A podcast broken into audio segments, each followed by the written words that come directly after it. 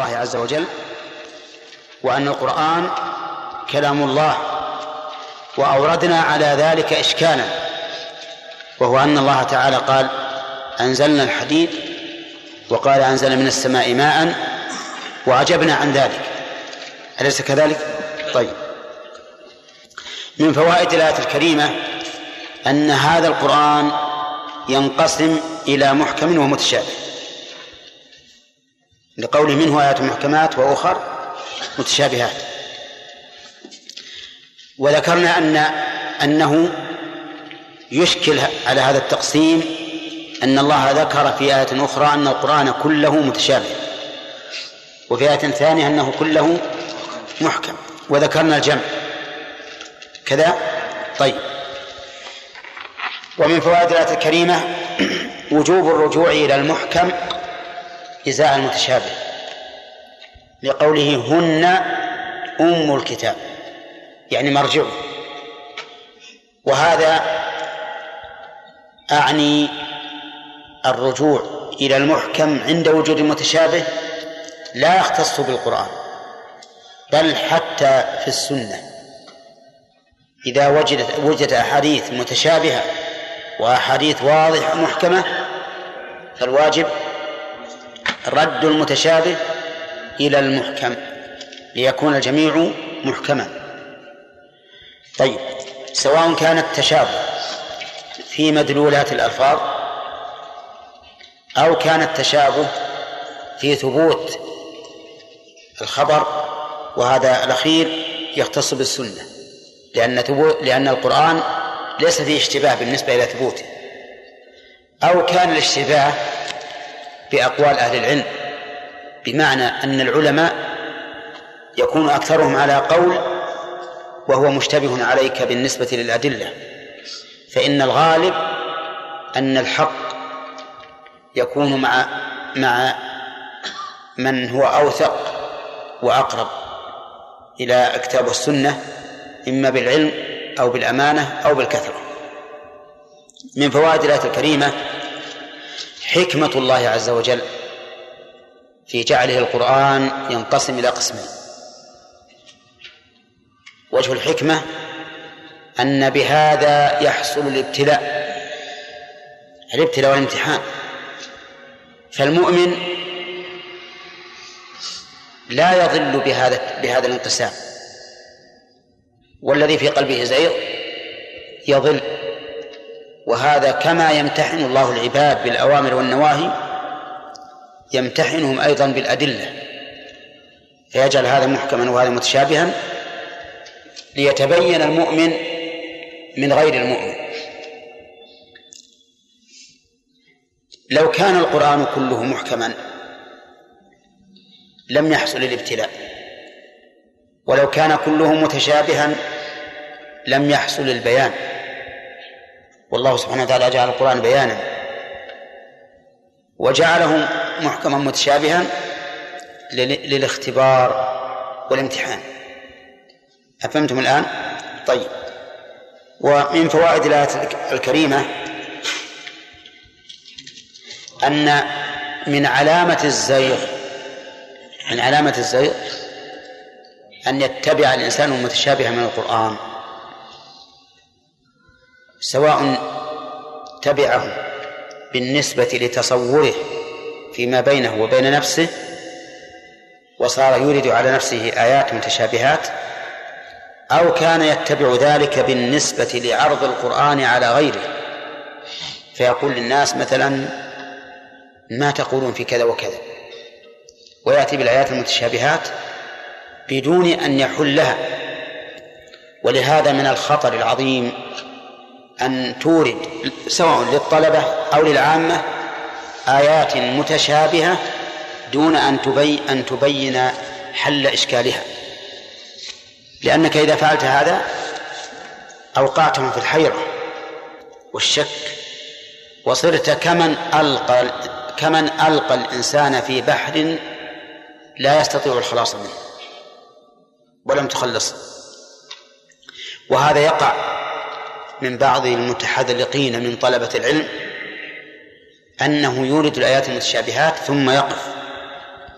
يقف ولا يبين للناس وجه هذا التشابه فيوقع, فيوقع الناس في حيرة وهو لا يشعر. من فوائد الآية الكريمة أن هؤلاء الذين يتبعون المتشابه تارة يبتغون الفتنة وصد الناس عن دينهم ونزع الثقة من من قلوبهم بالنسبة للقرآن لقوله ابتغاء الفتنة وتارة يريدون بذلك أي بعرض هذا المتشابه أن يحرفوه إلى المعنى الذي يريدون. وذلك لأنهم لو أرادوا أن يحرفوا المحكم ما قبلوا أليس هكذا؟ ولكن يأتون بالمتشابه ليتمكنوا من تحريفه من تحريفه على ما يريدون لأنه لأنه إذا كان متشابها فإن المخاطب الذين يخاطبونه الذي يخاطبونه يكون قد اشتبه عليه الأمر فيقبل ما ما جاءوا به من التحريف. يقبل ما جاءوا به من التحريف. وبهذا يزول الإشكال الذي قد يعرض الإنسان في قوله وابتغاء تأويله. لأن ابتغاء التأويل على الوجه المراد أمر مطلوب وليس من شأن ذوي الزيغ بل هو من شأن أهل الإيمان. لكن ذوي الزيغ يأتون بهذا المتشابه من أجل أن يحرفوه على ما يريدون لأنه ليس محكما واضحا حتى يعارضهم الناس. لكنه متشابه فيحصل بذلك آه، ما يريدون من التحريف. وهنا سؤال وهو أن كثيرا من المتكلمين قالوا إن آيات الصفات من المتشابه. وقالوا إن المتشابه لا يعلم تأويله إلا الله. فصارت النتيجة أن آيات الصفات لا يعرف, لا يعرف معناها.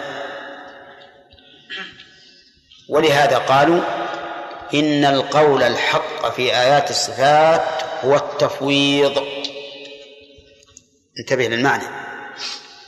فقولهم إن الحق هو التفويض وأن لا تتكلم فيها بشيء ناتج عن هذين الأمرين. أولا أن آيات الصفات من المتشابه والثاني أن المتشابه لا يعلم تأويله إلا الله. فتكون النتيجة أن لا نخوض في معاني آيات الصفات لأنها من المتشابه ولا يعلم تأويله إلا الله وما لا يمكن الوصول إلى علمه لا يجوز الخوض فيه. انتبه. ولكن نقول إن هذا القول قول باطل. إن هذا القول قول باطل. أولا أن نقول ماذا تعنون بالمتشابه أو ماذا تعنون بالتشابه في آيات الصفات؟ إن قالوا نريد اشتباه المعنى وهو الذي يريدونه قلنا هذا خطأ. لماذا؟ لأن معاني آيات الصفات واضح معلوم ولا فيه اشتباه. ليس فيه اشتباه إطلاقا. كما قال الإمام مالك رحمه الله الاستواء غير مجهول.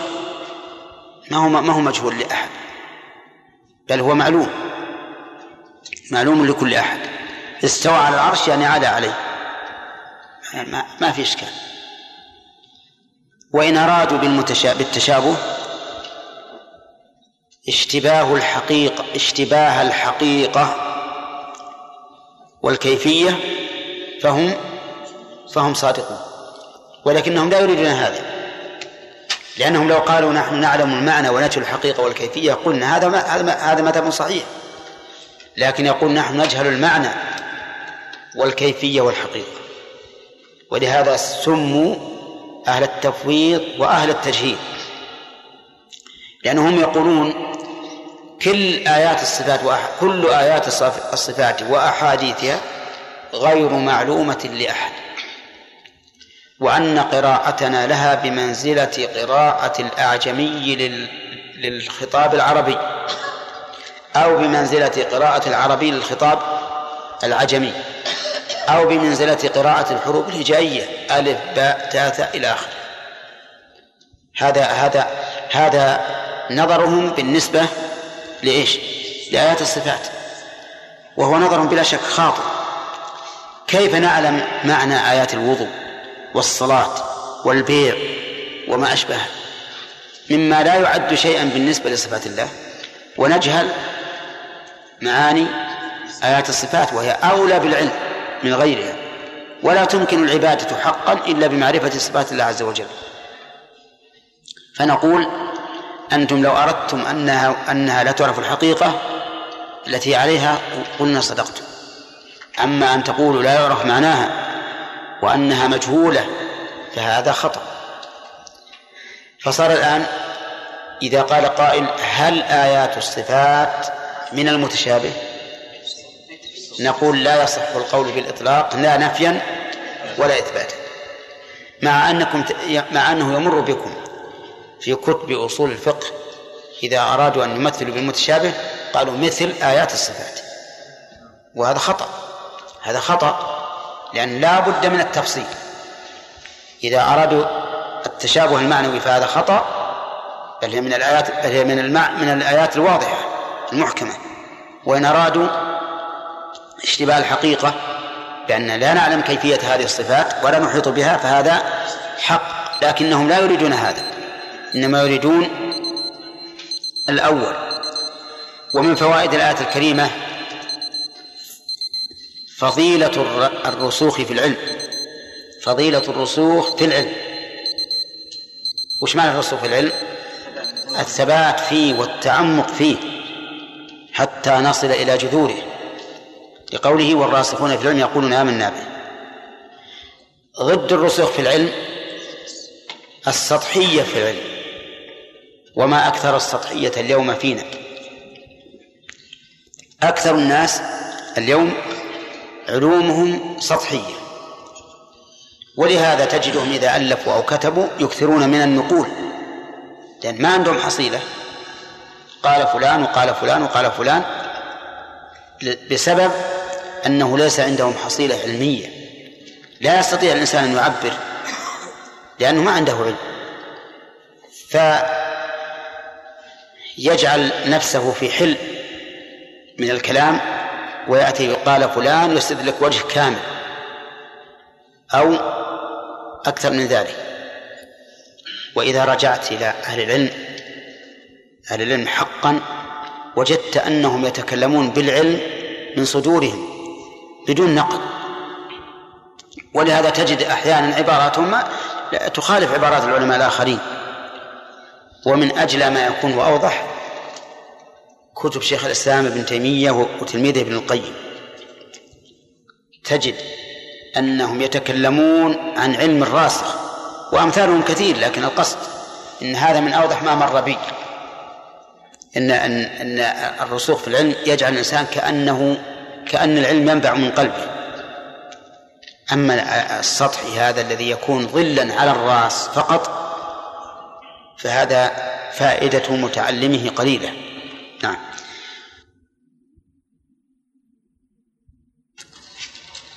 طيب من فوائد الآية الكريمة أيضا أنه ينبغي للإنسان أن يحرص على أن يكون راسخا في العلم لا جامعا كثيرا منه لأن العبرة بالرسوخ في العلم فإن الإنسان إذا كان عنده رسوخ في العلم صار عنده ملكة يستطيع أن أن يقرب العلم بعضه من بعض ويقيس ما لم ينص عليه على ما نص عليه ويكون العلم لديه كالطبيعة الراسخة. ومن فوائد الآية الكريمة أن الراسخين في العلم يعلمون أن الذي من عند الله لا يكون فيه تناقض. لقوله يقولون آمنا به كل من عند ربنا. من فوائد الآية الكريمة أن مقتضى الربوبية أن الله تعالى ينزل على عبده على عباده كتابا لا يكون فيه اختلاف يوقعهم في الشك والاشتباه. بقولهم كل من عندي من عند ربنا وما كان من عند الرب المعتني بعباده بربوبيته فلن يكون فيه شيء يتناقض ويختلف. ومن فوائد الآية الكريمة أنه لا يتذكر بهذا القرآن ولا بغيره إلا أصحاب العقول لقوله وما يذكر إلا أولو الألباب. ومن فوائد الآية الكريمة أنه كلما ازداد الإنسان عقلا ازداد تذكرا بكلام الله عز وجل. وكلما نقص تذكره بالقرآن دل على نقص إيش؟ عقله. لأنه إذا كان الله حصر التذكر بأولي الألباب فإنه يقتضي انتفاء هذا التذكر عن من ليس عنده لب. ومن فوائد الآية الكريمة أن العقول غير الذكاء أي أن العقل غير الذكاء. لأننا نجد كثيرا من الناس أذكياء ولكن لا يتذكرون بالقرآن. إذن هؤلاء لا نسميهم عقلاء لكن الذي انتفى عنهم من العقل هو عقل الإدراك أو التصرف عقل التصرف والرشد. أما الإدراك فهم يدركون ولهذا تقوم عليهم الحجة. ومن فوائد الآية الكريمة أن من القرآن ما لا يعلم تأويله إلا الله. على رواية على قراءة الوقف وما يعلم تأويله إلا الله. فإن قال قائل ما الفائدة في تنزيل شيء لا يعلم تأويله؟ قلنا الفائدة امتحان العباد بتأدبهم مع الله عز وجل. هل يحاولون؟ أن يصلوا إلى شيء لا تدركه عقولهم أو يقفون على حدود ما تدركه عقولهم. لأن من الناس من يذهب ويتجرأ على محاولة إدراك ما لا يصل إليه العقل. ومن الناس من يتأدب فإذا وصل إلى ما لا يبلغه العقل وقف. ومن فوائد الآية الكريمة سعة علم الله عز وجل بقوله وما يعلم تأويله إلا الله على قراءة الوقف. ومن فوائدها أيضا أن كلام الله عز وجل يختلف. منه محكم ومنه متشابه ومنه أمر ومنه نهي ومنه خبر ومنه استخبار إلى أنواع لا يحصيها إلا الله. خلافا لمن قال إن كلام الله نوع واحد وأن اختلاف الصور أو الصيغ لا يدل على تنوعه واختلافه مثل الأشاعرة لأن الأشاعرة يرون أن كلام الله هو المعنى القائم بالنفس وأنه شيء واحد. إن عبر عنه بالعربية صار قرآنا وإن عبر عنه بالعبرية صار توراة وإن عبر عنه بالسريانية صار إنجيلا وإن أتى بصيغة النهي صار نهيا وهكذا. أو إن عبر عنه بصيغة النهي صار نهيا. وإن عبر عنه بصيغة الأمر صار أمرا وإلا فهو شيء واحد. ولا شك أن هذا قول يبطله العقل والسمع. ثم قال الله عز وجل وهو مبتدأ درسنا الآن ربنا لا تزغ قلوبنا بعد إذ هديتنا. الظاهر أن هذا من جملة قول الراسخين في العلم. يقولون آمنا به كل من عند ربنا ويقولون أيضا ربنا لا تزغ قلوبنا بعد إذ هديتنا. والدعاء يصدر غالبا بالرب لأن الدعاء يستلزم يعني يتطلب الإجابة والإجابة من الأفعال والأفعال علاقتها بالربوبية أكثر من علاقتها بالألوهية. ولهذا غالب الأدعية يأتي مصدرا بالرب ربنا. وقوله ربنا هذه منصوبة بياء الندى المحذوفة. وأصل الكلام يا ربنا لكن حذفت الياء تخفيفا وتيمنا بالبداءة بسم الله عز وجل. ربنا لا تزغ قلوبنا. لا تزغ هذه جملة دعائية وإن كانت بصيغة النهي لأن النهي لا يمكن أن يرد من المخلوق للخالق إذ أن النهي طلب الكف على وجه الاستعلاء ولا يمكن للمخلوق أن يطلب من ربه أن يكف على وجه الاستعلاء أبدا. ومر علينا فيما سبق أنه إذا وجه الطلب من أدنى إلى أعلى سمي دعاء. فلهذا نقول لا دعائية ولا نقول لا ناهية لأنه لا نهي من المخلوق للخالق. لا تزغ قلوبنا تزغ بمعنى تمل. ومنه زاغت الشمس أي مالت عن كبد السماء. وتزغ تمل تملها عن أي شيء يبين ذلك ما بعده. لا تزغ قلوبنا بعد إذ هديتنا أي لا تزغها عن الهداية بل اهدها هداية دلالة وهداية توفيق. وقول لا تزغ قلوبنا سلط الفعل على القلب لأن القلب عليه مدار العمل. لقول النبي صلى الله عليه وسلم ألا وإن في الجسد مضغة إذا صلحت صلح الجسد كله وإذا فسدت فسد الجسد كله ألا وهي القلب. والقلب هو هذا الجزء المستقر في الصدر. لقول الله تعالى فإنها لا تعمى الأبصار ولكن تعمى القلوب التي في الصدور. وبهذا القلب يكون العقل. لقوله تعالى أفلم يسيروا في الأرض فتكون لهم قلوب؟ يعقلون بها. وبناء على هذه الأدلة يتبين أن العقل في القلب وليس في الدماغ. والعلماء اختلفوا قديما وحديثا هل العقل في الدماغ أو العقل في القلب؟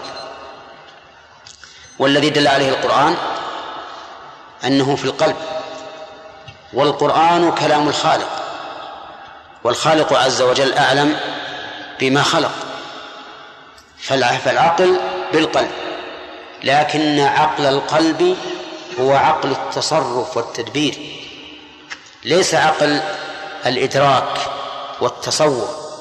فإن عقل الإدراك والتصور يكون في المخ. فالمخ يتصور ويعقل وهو بمنزلة السكرتير للقلب. يشرح ما يريد رفعه إلى القلب ثم يرفعه إلى القلب ثم يصدر القلب الأوامر. والذي يبلغ الأوامر إلى الرعية من؟ ها؟ الدماغ. هو الذي يبلغ الأوامر. ولهذا تنشط العضلات كلها بنشاط الدماغ. فصارت المسألة سلسلة.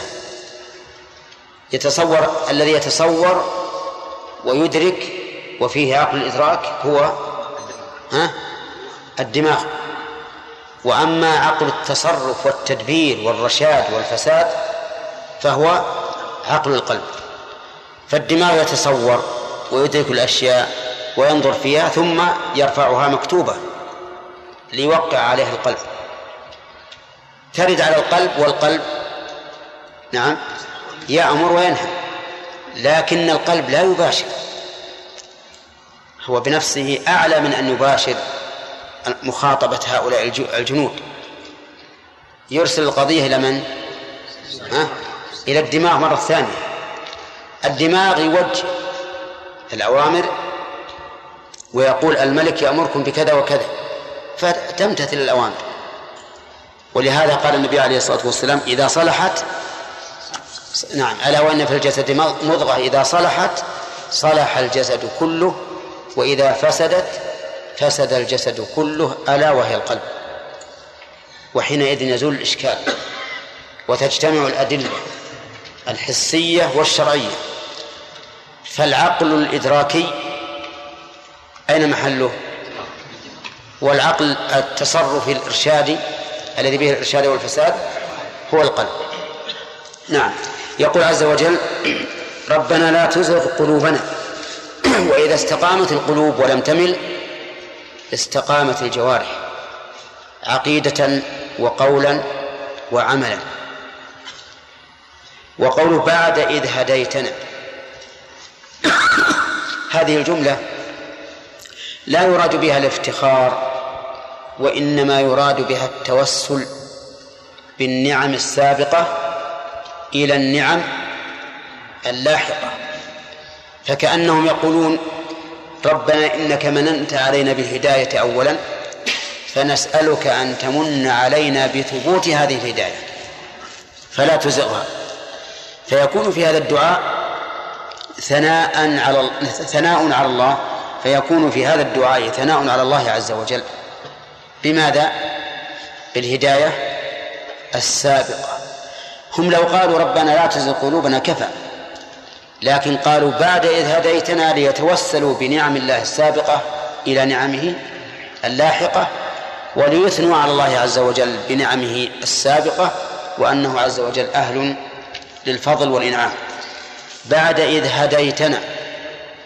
هداية دلالة ولا ولا توفيق؟ أو الاثنين. نعم الاثنين. فالمؤمنون هداهم الله إلى هداية الله.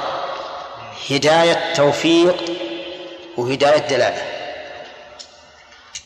هداية الدلالة أن بين لهم الحق وهداية التوفيق أن وفقهم لسلوك الحق. فمن الناس من يحرم الهدايتين ومن الناس من يحرم الهداية الثانية. ولا أظن أن أحدا يحرم الهداية الثالثة نعم لا الهداية الثانية فقط. يعني لا أظن أن أحدا يعطى الهداية الأولى والهداية الثالثة. يعني لأنه لا يمكن أن يتوفق إلا بعد إلا بعد العلم. من الناس من يحرم الهدايتين فلا يكون عنده هداية دلالة ولا هداية توفيق مثل مثل النصارى. ضالون لم يعرفوا الحق ولم يعملوا به. ومن الناس من يحرم هداية التوفيق. مثل اليهود. فالنصارى فاليهود علموا لكن لم يعملوا. ومن الناس من يرزق الهدايتين كالمؤمنين الذين أنعم الله عليهم. فهنا هديتنا يعني هداية الدلالة وهداية إيش؟ التوفيق. فهم هدوا إلى إلى إلى الحق بالدلالة عليه وهدوا إلى الحق بالتوفيق. هل تستطيعون أن تأتوا بدليل على الهداية على هداية الدلالة فقط؟ نعم. عادل؟ نعم. وأما ثمود فهديناهم فاستحبوا العمى على الهدى. كذا؟ طيب. هداية التوفيق نعم. يعني لا توفقه للهداية ولكن الله يهدي من يشاء. أما هداية الدلالة فلا شك أن رسول الله صلى الله عليه وسلم قد هدى الناس ودلهم وإنك لتهدي إلى صراط مستقيم.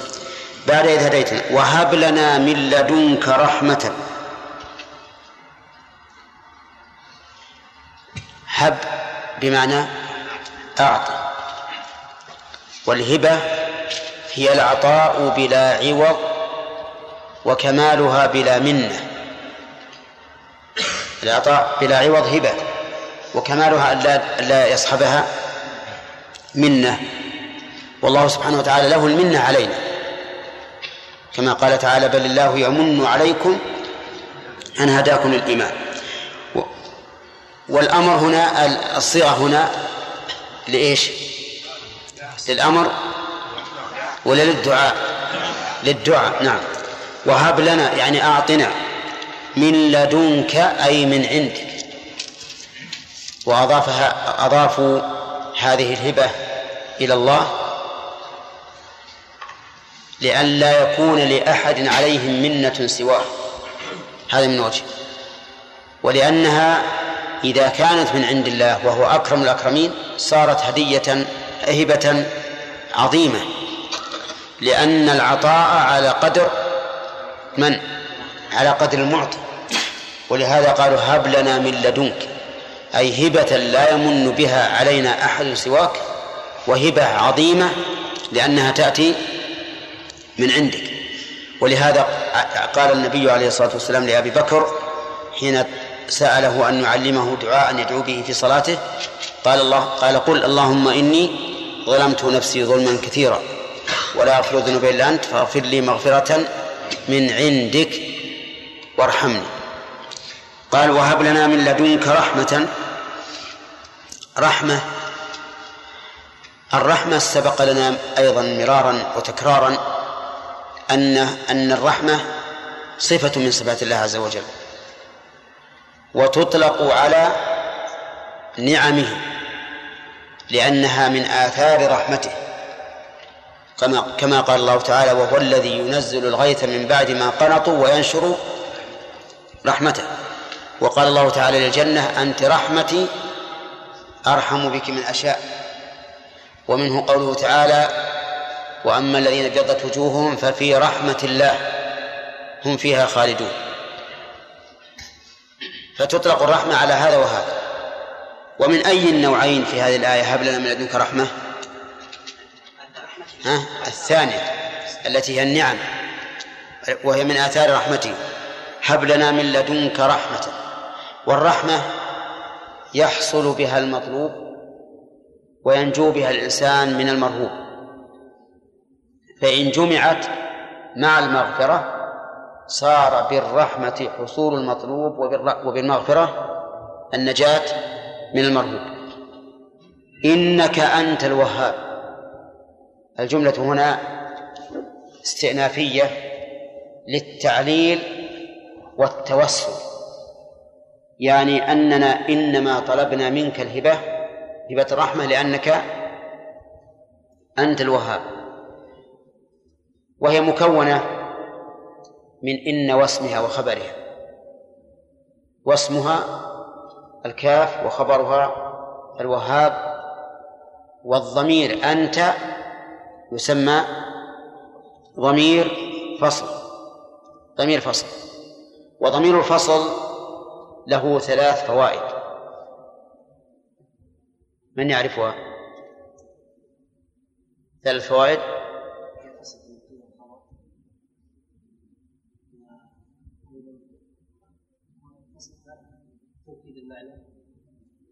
التوكيد. الفصل بين الخبر والصفة. يعني عدلت عن الأول. طيب. والتوكيد. ها؟ فهد. والحصر. طيب. هذه ثلاث أشياء. يعني له ثلاث فوائد. أولا الفصل بين الصفة والخبر. والثاني إيش؟ التوكيد. والثالث الحصر. ونضرب مثلا لهذا يتبين به الأمر. إذا قلت زيد الفاضل فإن كلمة الفاضل يحتمل أن تكون خبرا ويحتمل أن تكون صفة والخبر محذوف. والتقدير زيد الفاضل حاضر. فإذا قلت زيد هو الفاضل ها تعين إيش؟ أن تكون خبرا. تعين أن تكون خبرا. كذلك إذا قلت زيد الفاضل يحتمل أن يكون غيره فاضلا أيضا. فإذا قلت زيد هو الفاضل. ها؟ هذا حصر. حصر نص في الحصر. يعني ليس غيره فاضلا. كما قال تعالى وإن جندنا ها؟ لهم الغالبون. طيب. الثالث التوكيد. فإنك إذا قلت زيد الفاضل حكمت له بالفضل لكن إذا قلت هو الفاضل زدته توكيدا. هنا إنك أنت الوهاب تنطبق عليه هذا. فنقول أنت ضمير فصل للتوكيد والحصر وتعين ما أن ما بعده خبر. إيش؟ لا لا صفة. طيب. وقول إنك أنت الوهاب. الوهاب يعني كثير الهبة. ولا يصح أن تكون نسبة. ها؟ يصح. يصح أن تكون للنسبة. ويصح أن تكون للمبالغة. ويمكن أن نقول إنها للأمرين جميعا. فهو الوهاب يعني الكثير العطاء. وهذه صفة لازمة له. وهو كذلك كثير من يعطي. يعني الذي يعطيهم الله كثيرون لا يحصون. قال النبي صلى الله عليه وسلم يد الله ملأى ملأى سح.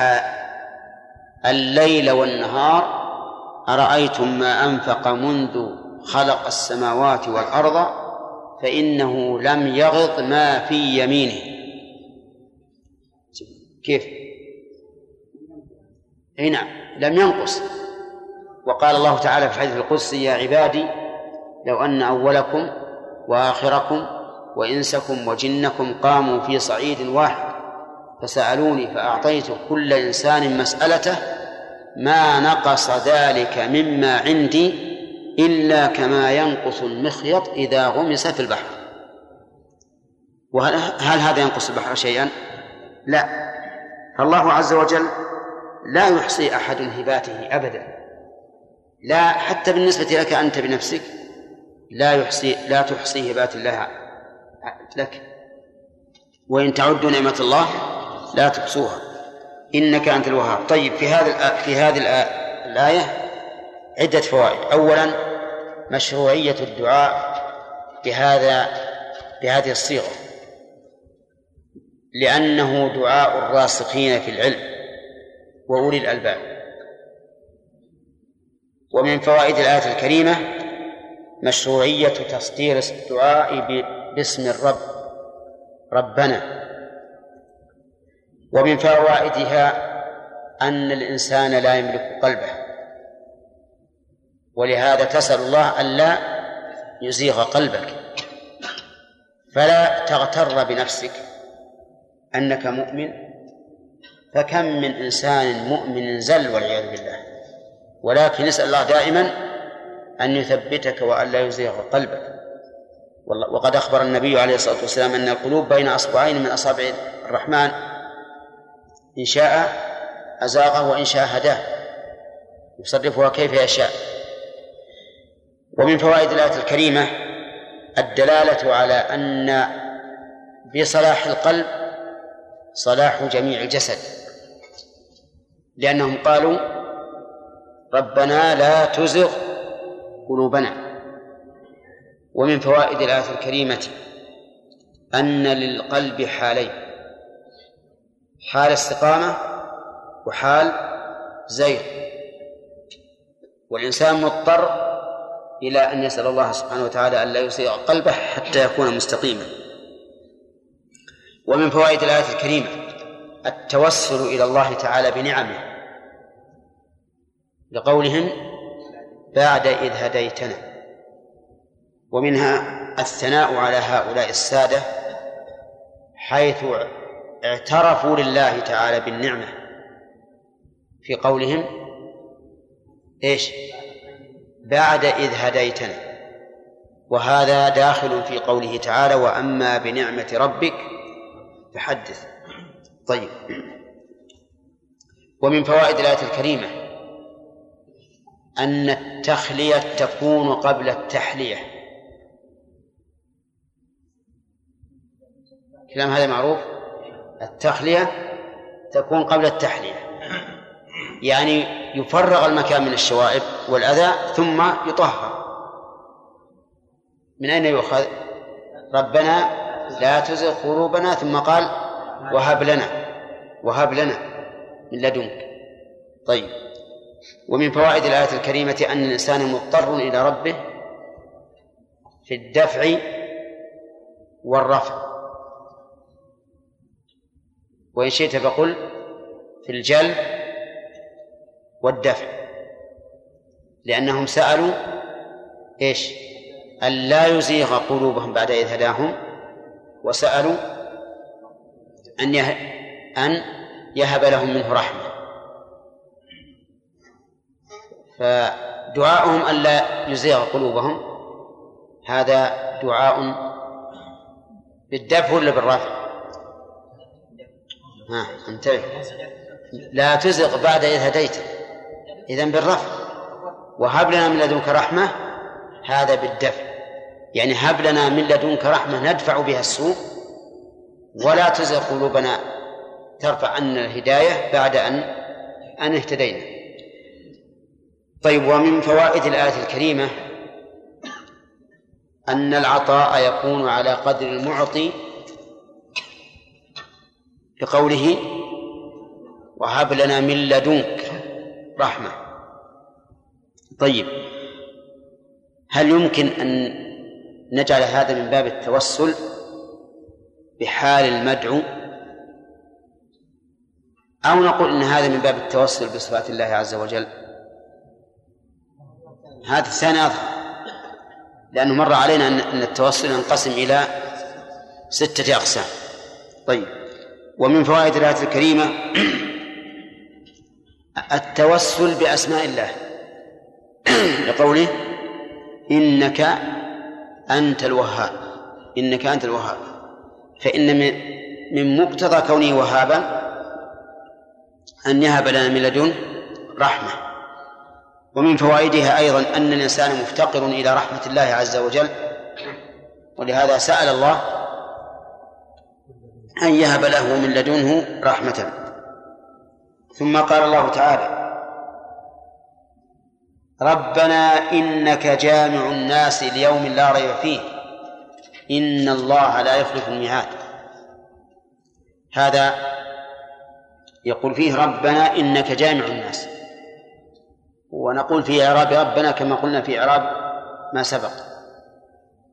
وقوله إنك جامع الناس ليوم لا ريب فيه. جامع اسم فاعل. وهنا لم يعمل لأنه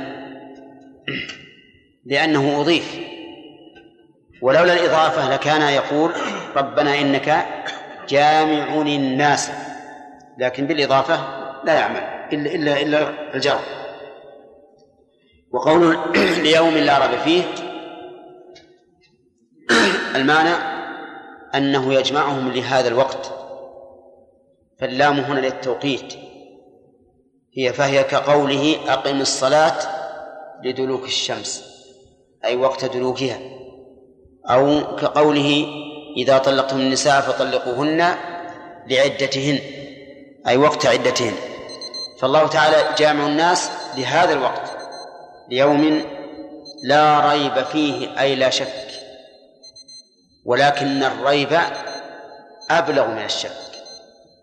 وإن كان معناهما متقاربا لأن الريب فيه زيادة قلق واضطراب مع الشك والشك خال من ذلك.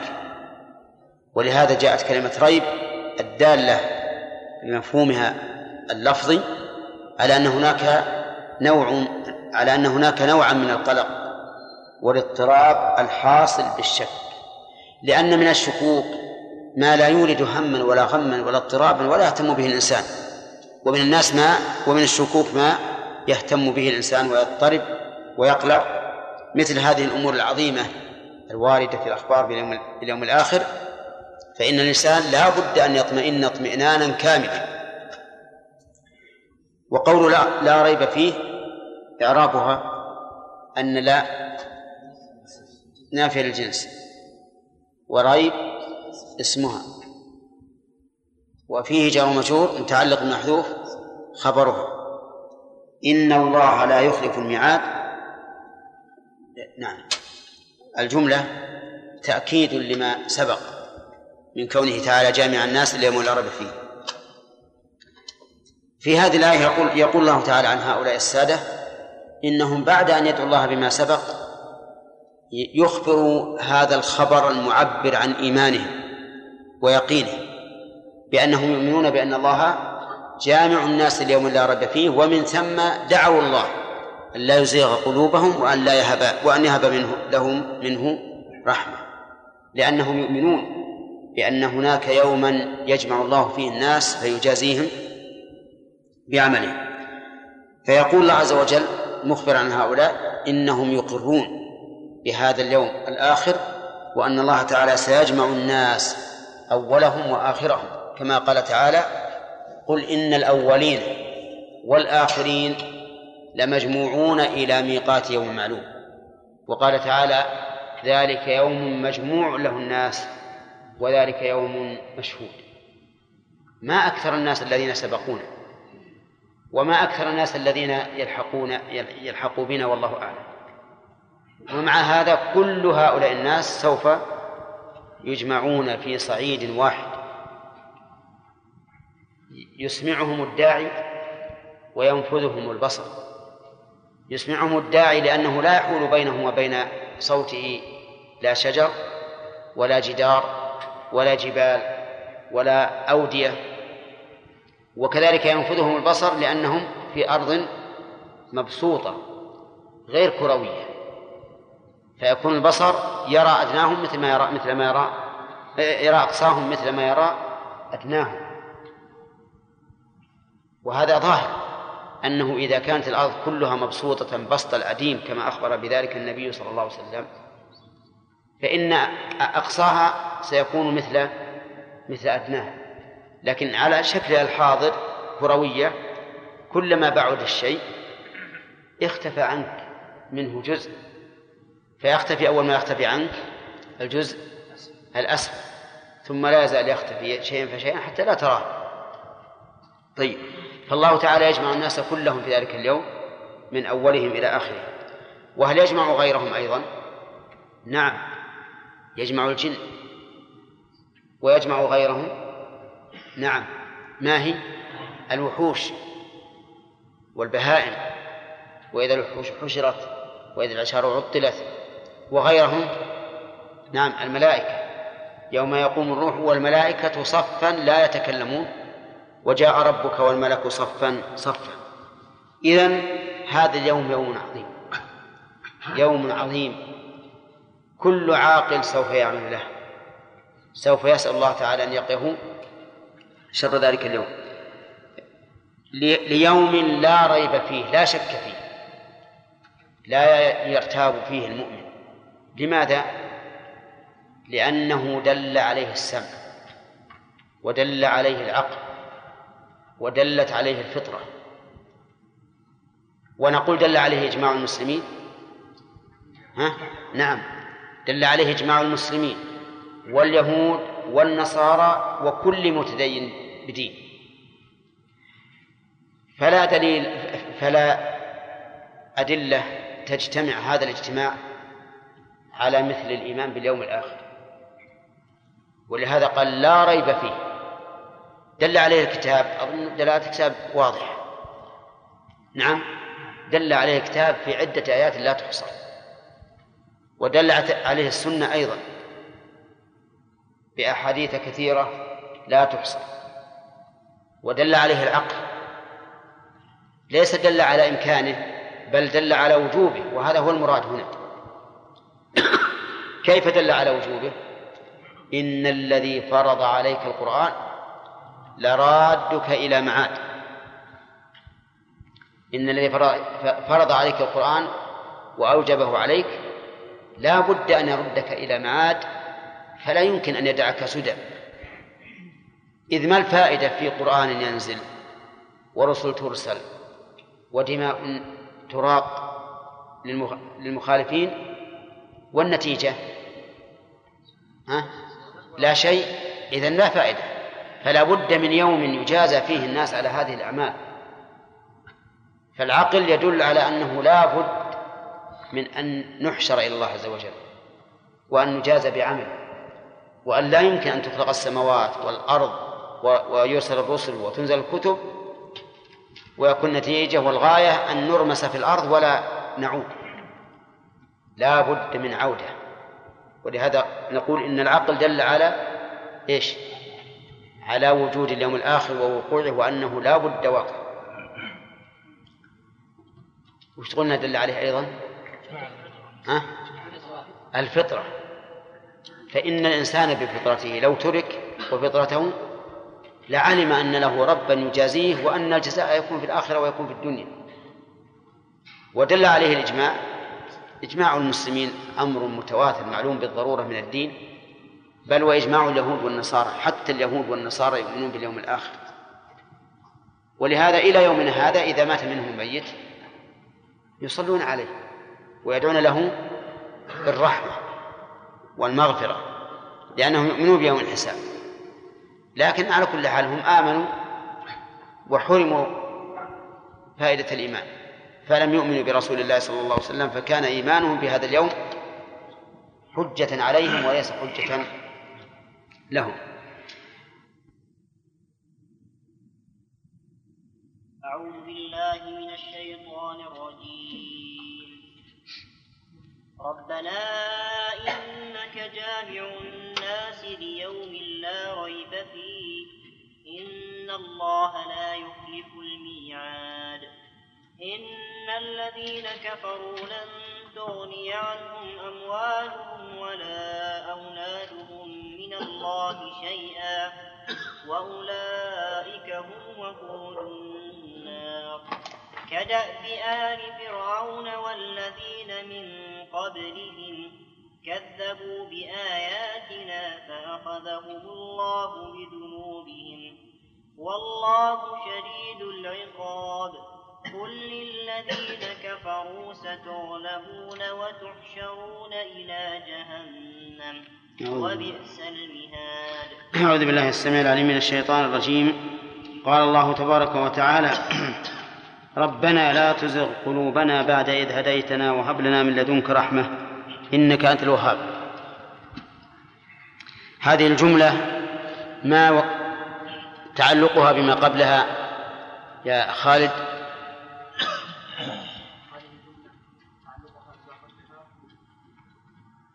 نعم. من دعاء الراسخين في يعني يقولون آمنا به ويقولون ربنا لا تزغ قلوبنا بعد إذ طيب. ما معنى الزيغ يا محمد؟ الميل. ومن؟ أي؟ عن كبد السماء. طيب.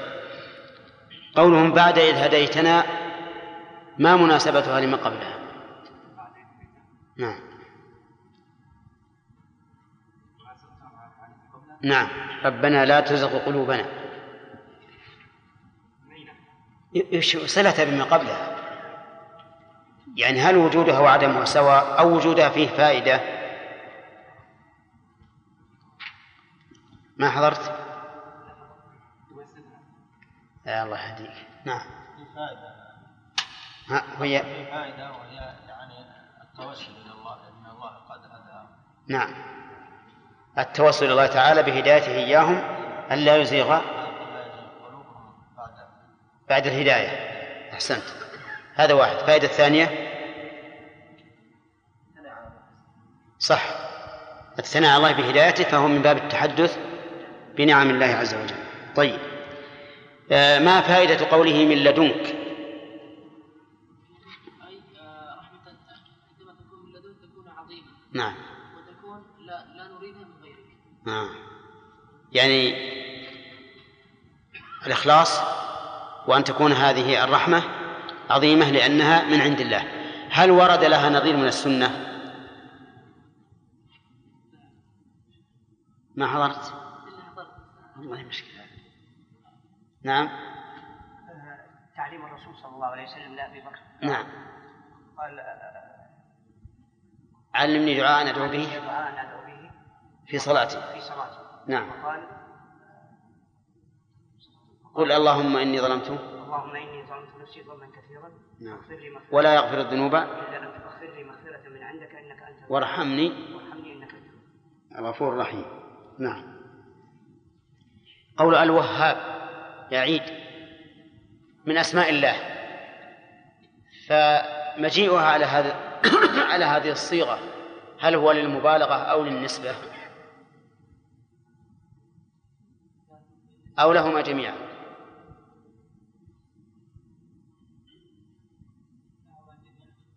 لهما جميعا. اشرح ذلك.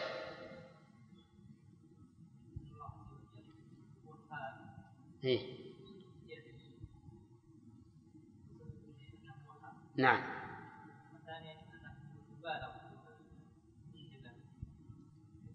لا. مبالغة لكثرة من يهب لهم. فإن الموهوب الموهوب لهم لا يحصيهم إلا الله عز وجل.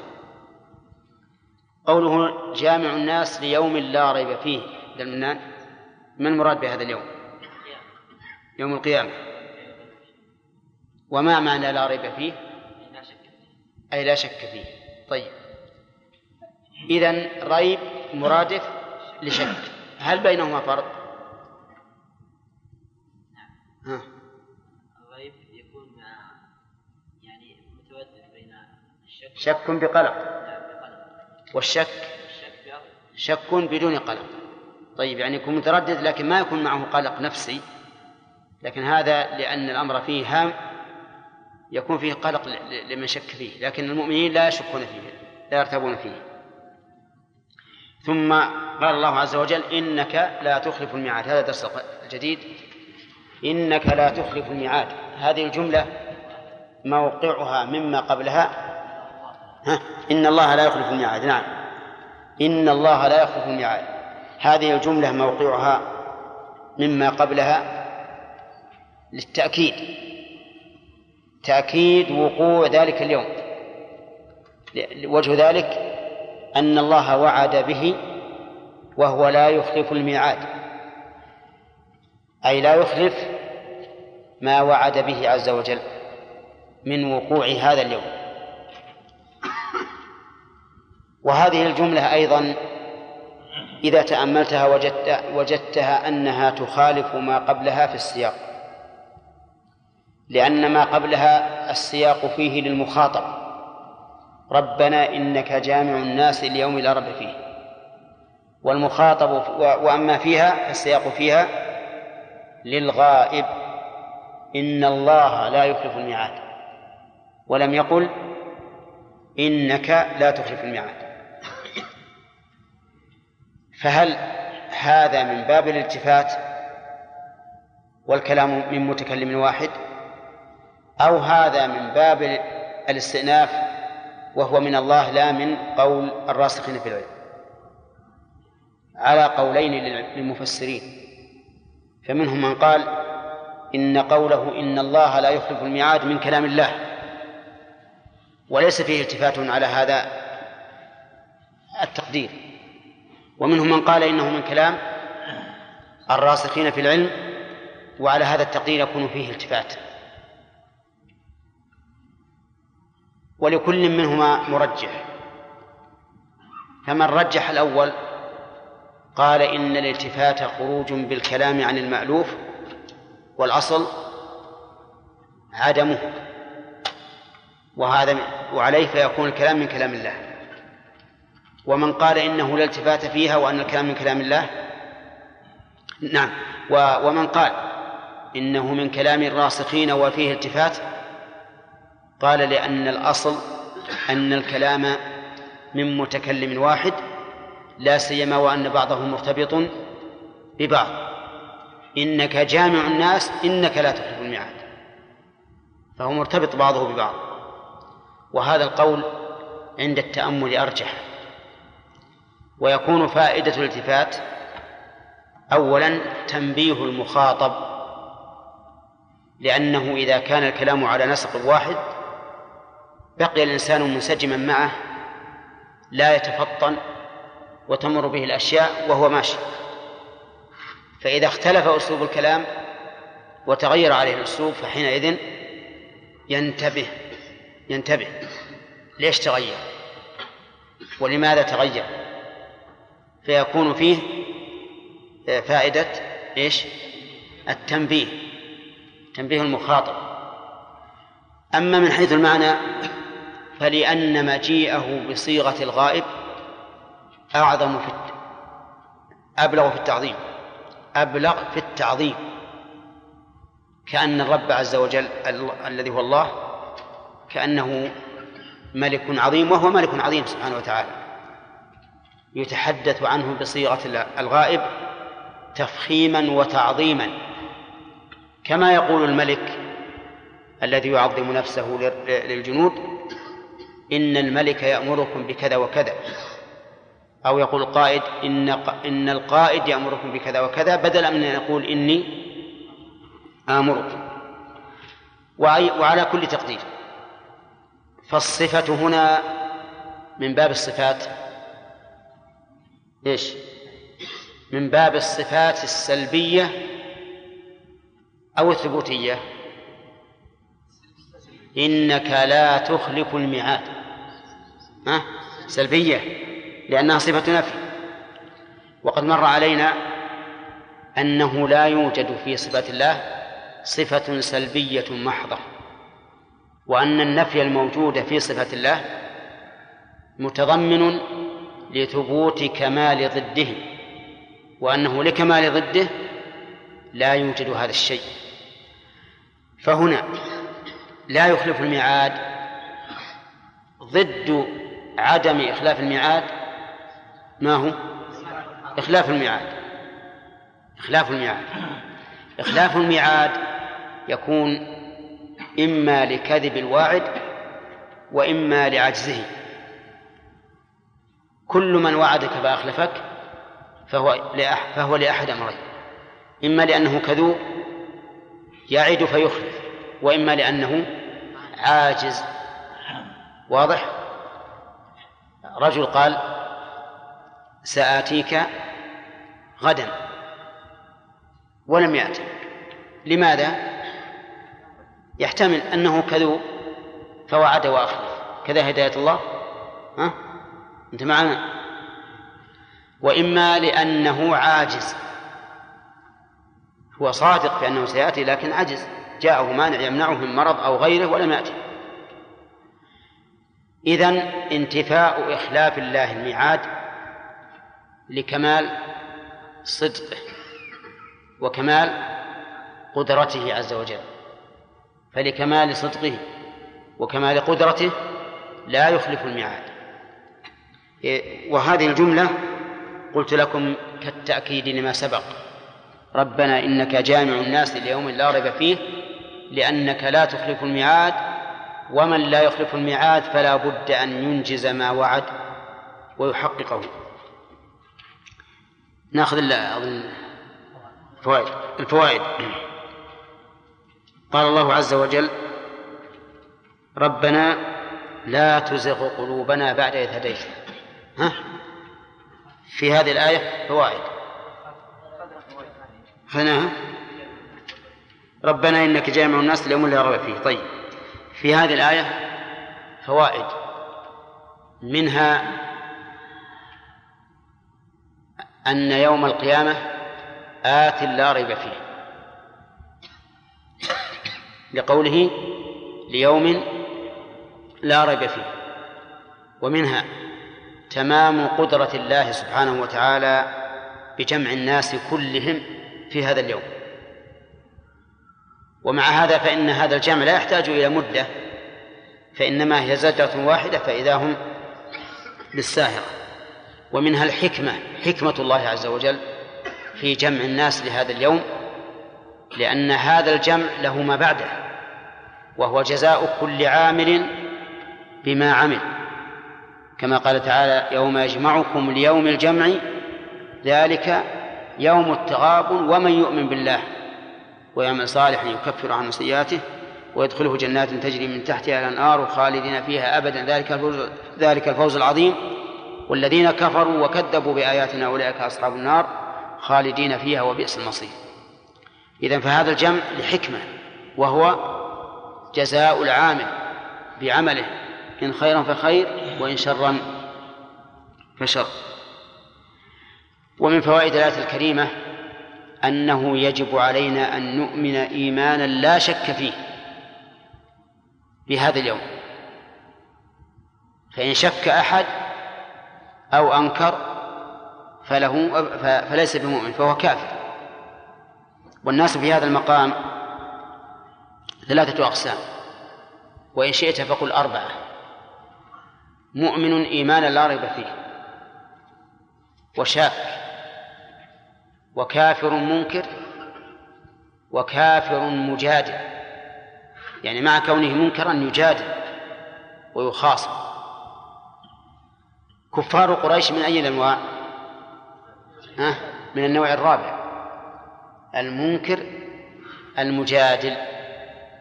ومن الناس من هو منكر لا يجادل لكنه في نفسه منكر ما صدق. ومن الناس من هو؟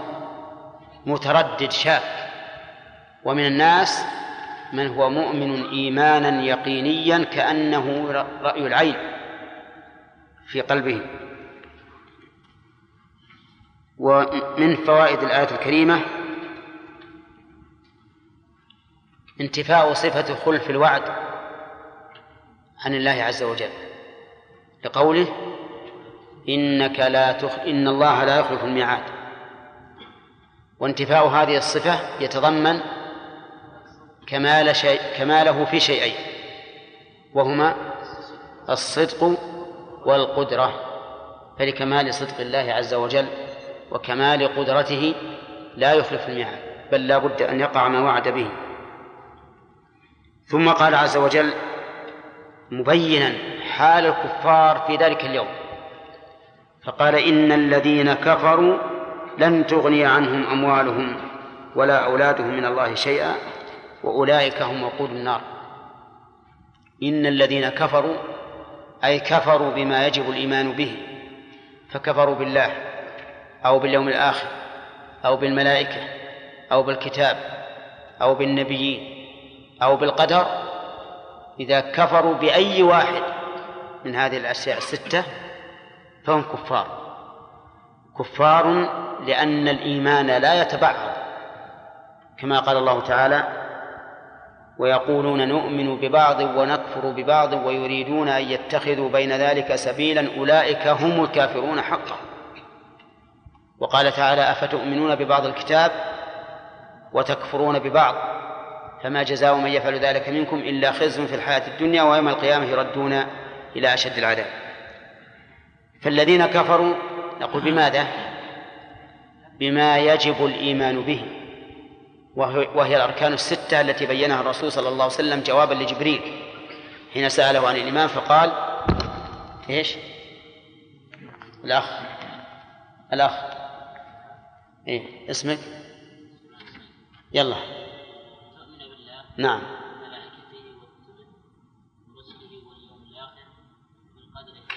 نعم. طيب. هذه إذا كفر بواحد منها فهو كافر. الكفار لهم أموال ولهم أولاد. وربما يعطيهم الله من الأولاد والأموال أكثر مما يعطي المؤمنين. فهل ينتفعون بهذا؟ يقول الله عز وجل لن تغني عنهم أموالهم ولا أولادهم من الله شيئا. تغني لها معنيان تمنع أو تدفع. فهؤلاء الأموال والأولاد لا يمنعون عن هؤلاء الكفار شيئا ولا يدفعون عنهم شيئا. فهم إن وقع بهم شيء من عذاب الله ما استطاع هؤلاء الأولاد أو هذه الأموال أن ترفعه. وإن قضى الله عليهم بشيء لم يستطيعوا أن يمنعوه ويدفعوه. وقول إذن لم تغني لم تمنع ولم تدفع ولم ترفع. أموالهم ولا أولادهم من الله شيئا. أولادهم الذكور والإناث ها يشمل.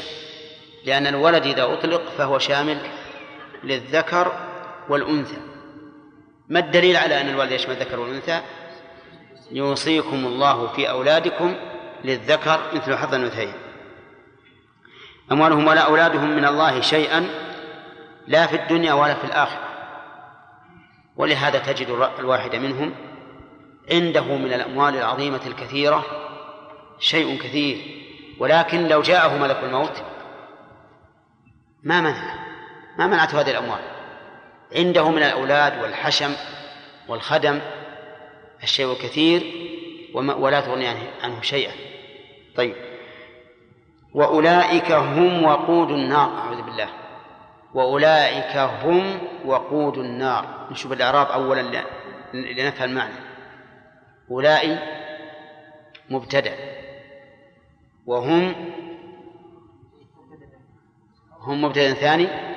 أو ضمير فصل. وقود خبر إما للمبتدأ الثاني وإما للمبتدأ الأول. فإن جعلتها هم مبتدأ ثاني فوقود خبر للمبتدأ الثاني وإن جعلتها هم ضمير فصل فوقود خبر للمبتدأ الأول. والوقود بالفعل ما آه، نعم. والوقود بفتح الواو ما يوقد به كالطهور ها ما يتطهر به والسحور ما يتسحر به والفطور ما يفطر به بخلاف الضم فطور وسحور وطهور ووضوء فهي الأفعال. يعني فرق بين وضوء ووضوء وطهور وطهور وسحور وسحور. السحور يعني الفعل أكل السحور. هذا يسمى بضم هذا يكون بضم السين. سحور ها؟ ما يتسحر به. فإذا جاء الإنسان بتمر في آخر الليل فماذا نسمي هذا التمر؟ سحور. فإذا أكله سميناه سحورا. إذا جاء بماء يتوضأ به فهو وضوء. وإذا فعل وغسل وجهه ويديه ورأسه مسح رأسه وغسل رجليه نسميه وضوء. وعلى هذا فقس. وهنا يقول وقود يعني ما توقد به النار مثل الحطب. الحطب وقود النار. هؤلاء الكفار هم وقود النار ولها وقود آخر. ما هو؟ الحجارة. كما قال تعالى يا أيها الذين آمنوا قوا أنفسكم وأهليكم نارا وقودها الناس والحجارة. نعم. فهؤلاء وقود النار وإذا كانوا والعياذ بالله وقودها فإنها تتسعر بهم أو تسعر بهم وهي في نفس الوقت تحرقهم نسأل الله العافية. نعم. قال وقود النار والنار اسم من أسماء جهنم وهي الدار التي أعدها الله تعالى للمكذبين برسله وحرها شديد وفيها زمهرير برده شديد والعياذ بالله. حرها قال النبي عليه الصلاة والسلام إنها فضلت على ناركم هذه بتسعة وستين جزءا. أعوذ بالله. كم يكون مقدارها؟ سبعين. سبعين يعني بالإضافة إلى إلى نار الدنيا تكون أشد منها تكون مثلها سبعين مرة. تكون مثلها سبعين مرة. كدأب آل فرعون. والذين من قبلهم. قوله كدأ الكاف للتشبيه وهي والجار مجرور خبر مقدم خبر لشيء لما لمبتدأ مقدم أي دأب هؤلاء كدأب آل فرعون. والدأب يطلق على الشأن ويطلق على العادة. فمثل هذه الآية كدأب آل فرعون يعني كشأنه. وإذا قلت فلان هذا دأبه أي هذه عادته. كدأب آل فرعون. أي أتباعه. أي أي أتباعه. وفرعون اسم علم لكل من ملك مصر كافرا. كل من ملك مصر كافرا يسمى فرعون. كما أن كل من ملك الروم يسمى قيصر. ومن ملك الفرس يسمى كسرى. طيب. آل فرعون والذين من قبلهم وقبل آل فرعون أمم. فقوم إبراهيم قبلهم. أولى. وقوم لوط قبلهم. وقوم نوح قبلهم. وقوم هود قبلهم. وقوم عاد قبلهم. يعني قبلهم أمم. ولهذا قال والذين من قبلهم ما دأبهم بينه بقوله كذبوا بآياتنا. أي كذبوا بكل ما يدل علينا من الآيات الكونية والآيات الشرعية. وأكثر ما يكون أن أن يكذبوا بالآيات الشرعية لأن الآيات الكونية قل من يكذب بها. فالآيات الكونية مخلوقات الله. وقل من ينكر أن يكون الخالق هو الله. لكن الآيات الشرعية التي هي الوحي التي جاءت به الرسل هو الذي يقع فيه التكذيب. فآل فرعون كذبوا بآيات الله. وش قال مو... وش قال فرعون لموسى؟ قال له إنك لمجنون. قال إن رسولكم الذي أرسل إليكم لمجنون. وقال إنه ساحر. ووصفه بأوصاف بالغة وهدده. قال لئن اتخذت إلها غيري لأجعلنك من المسجونين. وكان يذبح أبناء بني إسرائيل ويستحيي نساءهم ويقول لقومه أنا ربكم الأعلى. ويقول أم أنا خير من هذا الذي هو مهين ولا يكاد يبين؟ فلولا ألقي عليه أسورة من ذهب أو جاء معه الملائكة مقترنين. وذكر وقد ذكر الله سبحانه وتعالى قصته في في كتابه كثيرا من أجل من أجل اليهود الذين كانوا في المدينة ومن أجل الأنصار الذين تلقوا من علوم اليهود شيئا كثيرا. طيب يقول والذين من قبلهم كذبوا بآياتنا فأخذهم الله بذنوبهم. أخذهم يعني أهلكهم بذنوبهم أي بسبب ذنوبهم والذنب هو المعصية ومعاصي هؤلاء كلها كفر والعياذ بالله ولهذا أخذ وبماذا أخذ فرعون وقومه أخذ بالغرق فأهلك بما كان يفتخر به كان يقول لقومه أليس لي ملك مصر وهذه الأنهار تجري من تحتي فأغرق فأهلك بماذا؟ بالماء الذي كان يجري جنسه من تحته وكان مفخرة له أهلكه الله عز وجل بالماء والقصة معروفة فإن فرعون جمع جميع أهل أهل المدائن من أجل الكيد لموسى. فخرج موسى من مصر هو وقومه واتجهوا بأمر الله إلى جهة بحر القلزم وهو البحر الأحمر المعروف الذي يفصل بين قارة أفريقيا وآسيا من ناحية جدة. فلما وصلوا إلى البحر قال موسى قال أصحاب موسى إنا لمدركون. كيف؟ لأن البحر أمامهم و وفرعون وقومه خلفهم. فهم هالكون على كل حال. إن ذهبوا إلى البحر هلكوا بالبحر. وإن بقوا هلكوا بفرعون وجنوده. فقال موسى عليه الصلاة والسلام كلا يعني لستم بمدركين.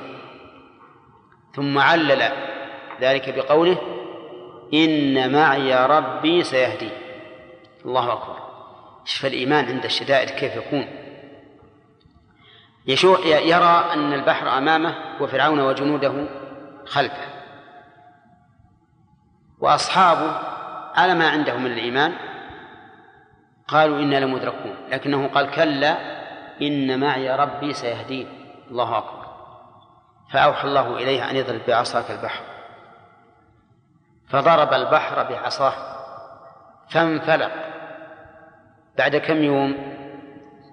ها؟ في الحال في بلحظة الدليل أنه بلحظة لأنه قال فانفلق. أن نضرب بعصاك البحر فانفلق. شوف حذف الله حتى الفعل اللي حصل به الانفلاق. نعم؟ لأن هذا البحر لما أمر الله تعالى موسى أن يضربه تهيأ تهيأ للانفلاق. بمجرد هذه الضربة التي وقعت عليه انفلق وكم كان؟ كان اثني عشر طريقا. يبسا يبس في الحال. وصاروا يمشون عليه على أقدامهم وكانت المياه ككتل الجبال. وذكر بعض المفسرين من خبر بني إسرائيل أن الله جعل في هذه الكتل نوافذ نوافذ. يرى بعضهم بعضا. كل هذه يرى بعضهم بعضا ليطمئن بعضهم على بعض. لما تكامل موسى وقومه خارجين وإذا بفرعون قد دخل هو وقومه فأمر الرب عز وجل البحر فانطبق عليه.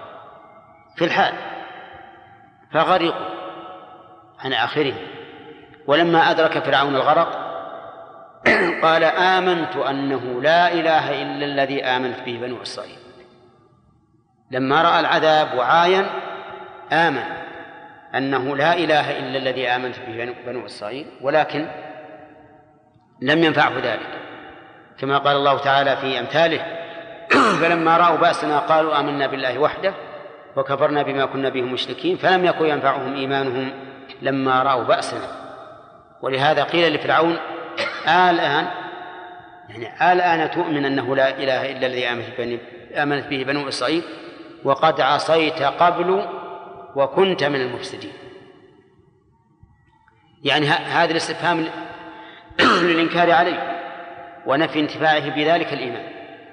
ولكن قال الله تعالى فاليوم ننجيك ببدنك لا لمصلحتك ولكن لتكون لمن خلفك آية. من الذين خلفه؟ بنو إسرائيل. لأن بني إسرائيل كان فرعون قد أرعبهم.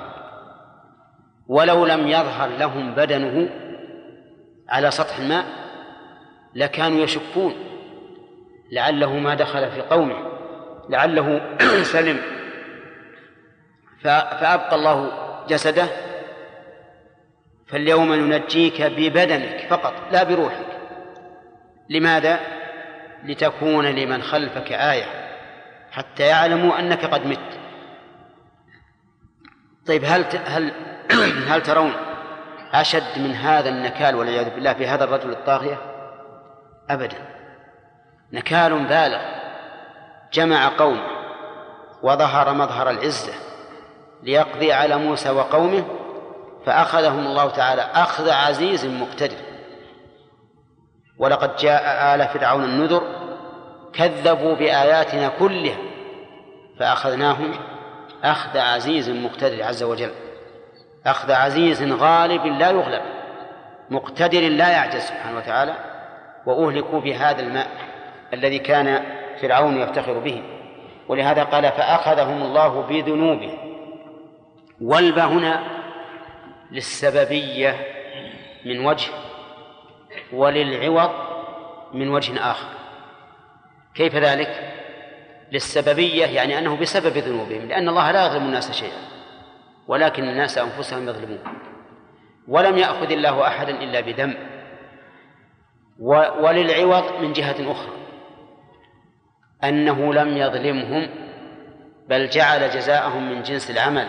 من جاء بالحسنة فله عشر أمثالها ومن جاء بالسيئة فلا يجزى إلا مثلها. والله شديد العقاب. والله شديد العقاب. ختم الآية بهذا الوصف مناسب جدا لأن هؤلاء الذين أخذوا بذنوبهم أخذوا بماذا؟ بالعقاب الشديد الذي لا أشد منه. ولا أظن أن أحدا إلى يومنا هذا يستطيع أن يهلك عدوه كما أهلك الله فرعون.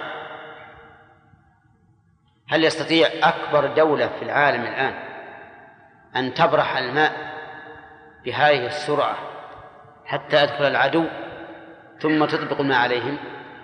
أبدا لا يمكن. ولكن شديد العقاب عز وجل الرب عز وجل الذي ينزل عقابه بأعدائه لحكمة كان قادرا على ذلك وبلحظة. فاضرب لهم طريقا في البحر يبسا لا تخاف دركا ولا تخشى. والله شديد العقاب. ثم قال الله عز وجل الفوائد بعد. كل آية وفائدها أي طيب. يقول الله عز وجل إن الذين كفروا لن تغني عنهم أموالهم ولا أولادهم إلى آخره. يستفاد من هذه الآية الكريمة أن الكفار لا ينتفعون بأموالهم ولا أولادهم.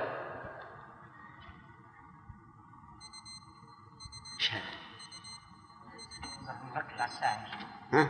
مركب على الساعة لا أبدا ولا السالم لكنه على اختياره متى ما بغى يقول في, هذه من الفوائد أن الكفار لا تنفعهم أموالهم ولا أولادهم. من الله شيئا. ومن فوائدها أن المؤمنين قد ينتفعون بأموالهم وأولادهم وهو كذلك. فالمؤمن يتصدق بماله فينتفع ويدعو له ولده في حياته وبعد موته فينتفع. أما الكافر فلا ينتفع ولو دعا له ولده. أليس كذلك؟ طيب وهل يحل لولده أن يدعو له؟ لا. إلا إذا كان حيا فيحل أن يدعو له بالهداية. وأما أن يدعو له بعد موته فلا يمكن أن يدعو له. طيب من فوائد الآية الكريمة أن الكافر يملك. أن الكافر يملك. وجهه قول أموالهم فأضاف المال إليه. وهو دليل على أن الكافر يملك ماله. واختلف العلماء في المرتد الذي يكفر بعد إسلامه. هل يزول ملكه عما تحت يده أو لا؟ فمن العلماء من قال إنه إذا ارتد الإنسان زال ملكه عما تحت يده. وعلى هذا فلا يصح أن يتصرف فيه. ولكن القول الراجح أنه لا يزول ملكه. لا يزول ملكه. إلا إذا مات على ردته فإن ملكه لا ينتقل إلى ورثته بل إلى بيت المال. ومن المعلوم أننا لو قلنا بأن المرتد يزول ملكه لحصل إشكال عظيم في في عصرنا هذا. ما هو؟ أن بعض الناس لا يصلي والذي لا يصلي مرتد. فإذا قلنا بزوال ملك المرتد لزم من ذلك أن كل تصرف يتصرف به في ماله من لا يصلي فهو تصرف غير صحيح. إن باعوا شيئا لم يصح البيع وإن اشتروا شيئا لم يصح الشراء وإن استأجروا شيئا لم يصح الاستئجار وإن آجروا شيئا لم يصح التأجير. وهذا وإن قال به بعض العلماء لكن الراجح أنه أن ملكه باق على ماله حتى يموت.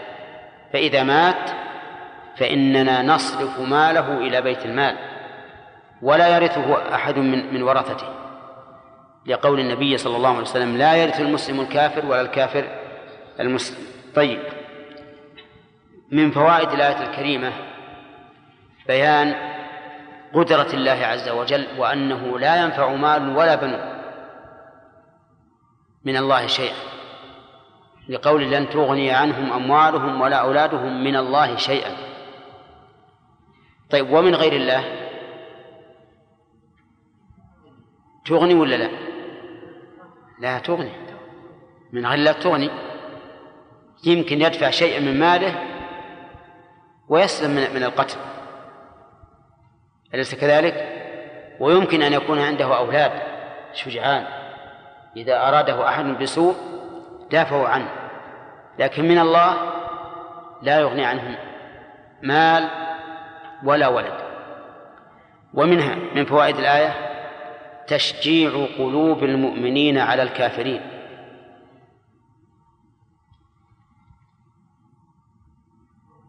وجهه. أن أموالهم وأولادهم لا تغني من الله شيئا. فإذا انتصرنا بالله فإن ما عندهم من والذخائر والأموال والأولاد لا يغنيهم من الله شيئا. أليس كذلك؟ نعم بلى. هو كذلك. ولهذا لو شاء الله عز وجل أن يبطل جميع ما فعلوه لأبطله. وأظنكم لا تنسون ما يحصل من الزلازل التي تدمر كثيرا مما صنعوا ولا تنسون أيضا أن ما صنعوه قد قد يفسد بأيديهم. قد يفسد بأيديهم. فكم من انفجارات حصلت في مخازن آه، القنابل الذرية والنووية. وحصل بذلك شر كثير عليهم وعلى من حولهم لو شاء الله سبحانه وتعالى لأعتم الجو فقط اعتاما بالضباب ولم يستطيعوا أن أن يفعلوا شيئا. لأن الله سبحانه وتعالى قدرته وقوته لا يقهرها شيء.